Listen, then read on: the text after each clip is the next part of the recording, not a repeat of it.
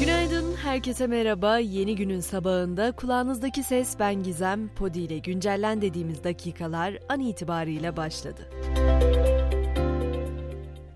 Yıkıcı depremlerin ardından 11. güne girdik. Bilanço ağır, her geçen günde ağırlaşıyor. Yitirdiğimiz canların sayısı 35 bini aştı. Yaralı sayısı da 105.505'e yükselmiş durumda. 13.208 yaralı ise hala hastanelerde tedavi altında. Öte yandan depremin ardından ilan edilen afet bölgesi de genişletildi. Cumhurbaşkanı Erdoğan'ın talimatıyla depremden etkilenen Elazığ da 11. il olarak afet bölgesine dahil edildi. Afet bölgesindeki kamu çalışanlarına ilişkin genelgede resmi gazetede yayımlandı. Buna göre idari izinli sayılan kamu çalışanları görevlerini fiilen yerine getirmiş sayılacak. Çalışanların mali, sosyal hak ve yardımlarıyla diğer özlük hakları da saklı tutulacak.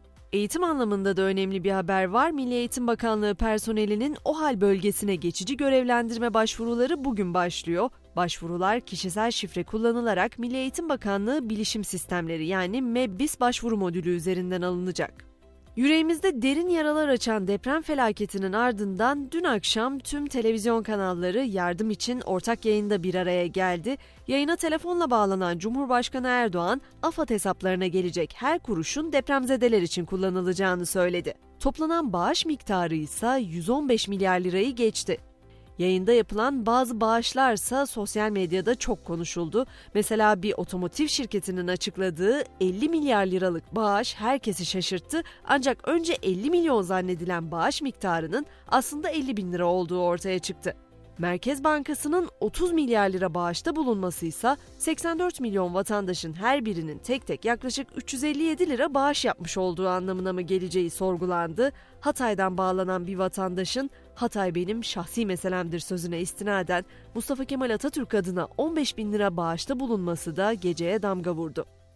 Türkiye Odalar ve Borsalar Birliği ise iş dünyası ve hayırseverlerin katılımıyla deprem bölgesine kalıcı konut yapma kampanyası başlattı. Kampanyaya bir bina ya da bir konut bedeliyle katılım sağlanacak.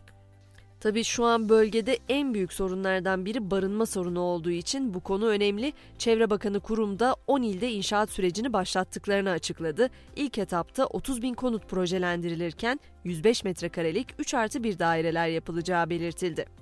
Depremlerde konutları hasar gören vatandaşlara da 10 bin lira tutarındaki hane başı destek ödemeleri yapılmaya başlandı.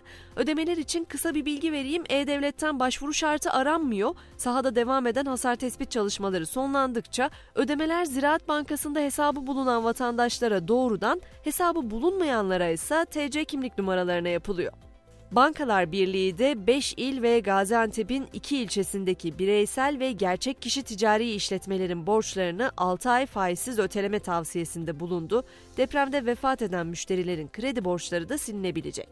Sadece yurt içinde değil, yurt dışından da destek sürüyor. İngiltere, Türkiye ve Suriye'ye yönelik 25 milyon sterlinlik yeni yardım paketini açıkladı.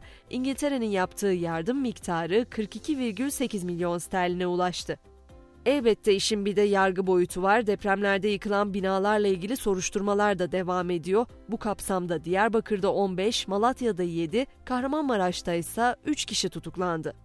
Depremle ilgili son olaraksa ABD Dışişleri Bakanı Antony Blinken'ın 16-22 Şubat tarihleri arasında Almanya, Yunanistan ve Türkiye'yi ziyaret edeceğinden söz edeyim. Blinken'ın ABD'nin Türkiye'ye yardım çabalarını ilk elden görmek için 19 Şubat'ta Adana'daki İncirlik Hava Üssü'ne gideceği açıklandı. Gelelim spor dünyasına. Bu akşam 20.45'te Trabzonspor UEFA Konferans Ligi playoff turunda sahasında İsviçre'nin Basel ekibini ağırlayacak. Maçtan elde edilecek tüm gelir depremzedelere bağışlanacak. İsviçre ekibi maç öncesi böyle anlarda futbol önemsizdir. Düşüncelerimiz şu anda deprem kurbanlarındadır mesajını paylaştı. UEFA Avrupa Ligi playoff turu ilk maçlarında da bu akşam tüm takımlar depremde yaşamını yitirenlerin anısına saygı duruşunda bulunacak.